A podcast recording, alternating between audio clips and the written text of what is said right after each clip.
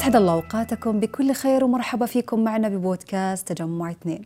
ويسعدنا تشاركونا بأسئلتكم واقتراحاتكم على صفحتنا بتويتر @cluster2 underscore رياض. الرعاية الوقائية أحد أنظمة النموذج الصحي. ويسعدنا نستضيف الدكتورة صفاء علام استشاري طب أسرة وقائد نظام الرعاية الوقائية في التجمع الصحي الثاني بالمنطقة الوسطى. كي تحدثنا أكثر حول هذا النظام الصحي الوقائي. أهلا ومرحبا فيك دكتورة. الرعاية الوقائية ببساطة إيش هي؟ والله هو سؤال جدا مهم. آه، نموذج الرعاية الصحية يهدف إلى تسهيل وصول الخدمات الصحية للأفراد. ومن أهم محاور ونظم تطبيق النموذج هو محور الرعاية الوقائية والحفاظ على صحة الأفراد الجسدية والنفسية والاجتماعية.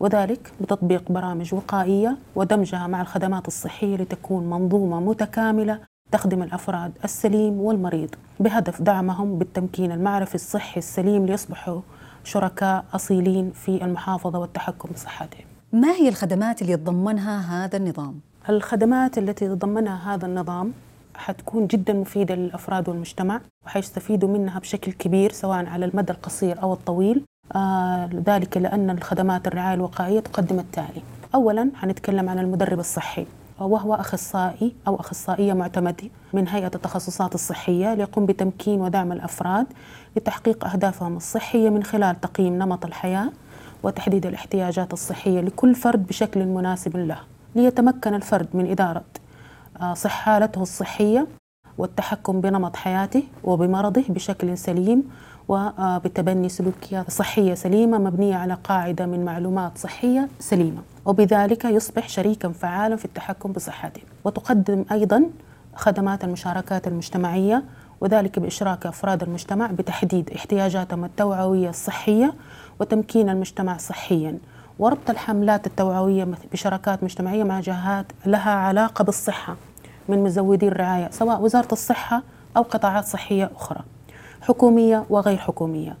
مثل وزارة العمل والتنمية الاجتماعية وزارة الشؤون البلدية والقروية وزارة التعليم مثلا وزارة الرياضة. مثال لذلك مثلا الأيام العالمية مثل حملات مكافحة سرطان الثدي والأسبوع الخليجي لمكافحة السرطان حمانا الله وإياكم. حملات التوعية عن الكورونا وهكذا.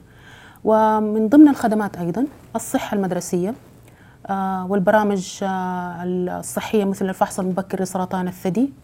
الفحص المبكر لسرطان القولون الفحص المبكر للأمراض المزمنة ومكافحة التدخين. وهذه كلها تعتبر من ضمن البرامج الوقائية المهمة جدا للمجتمع. المراجع في حال حب يستفيد من هذه الخدمات كيف يقدر يحصل عليها؟ الحصول عليها الحمد لله سهل وهذا هو الهدف الرئيسي من وصول الخدمات للأفراد. ولذلك المدرب الصحي اولا موجود بالعيادة بالمركز الصحي يمكن الاستفادة من خدماته بأخذ موعد بعيادة تسمى عيادة تعزيز الصحة.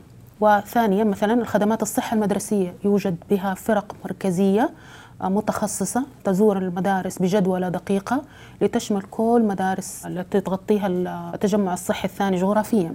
وأيضا زيارات غير مجدولة لتخدم مستهدف محدد لمصلحة أبنائنا وبناتنا في المدارس. أيضا عندنا الحملات التوعوية تصل للأفراد في أماكن تواجدهم مثل الحدائق العامة بالحي أو المولات أو المرافق الحكومية وغيرها. أو في الفعاليات التي تقام مثلا زي موسم الرياض.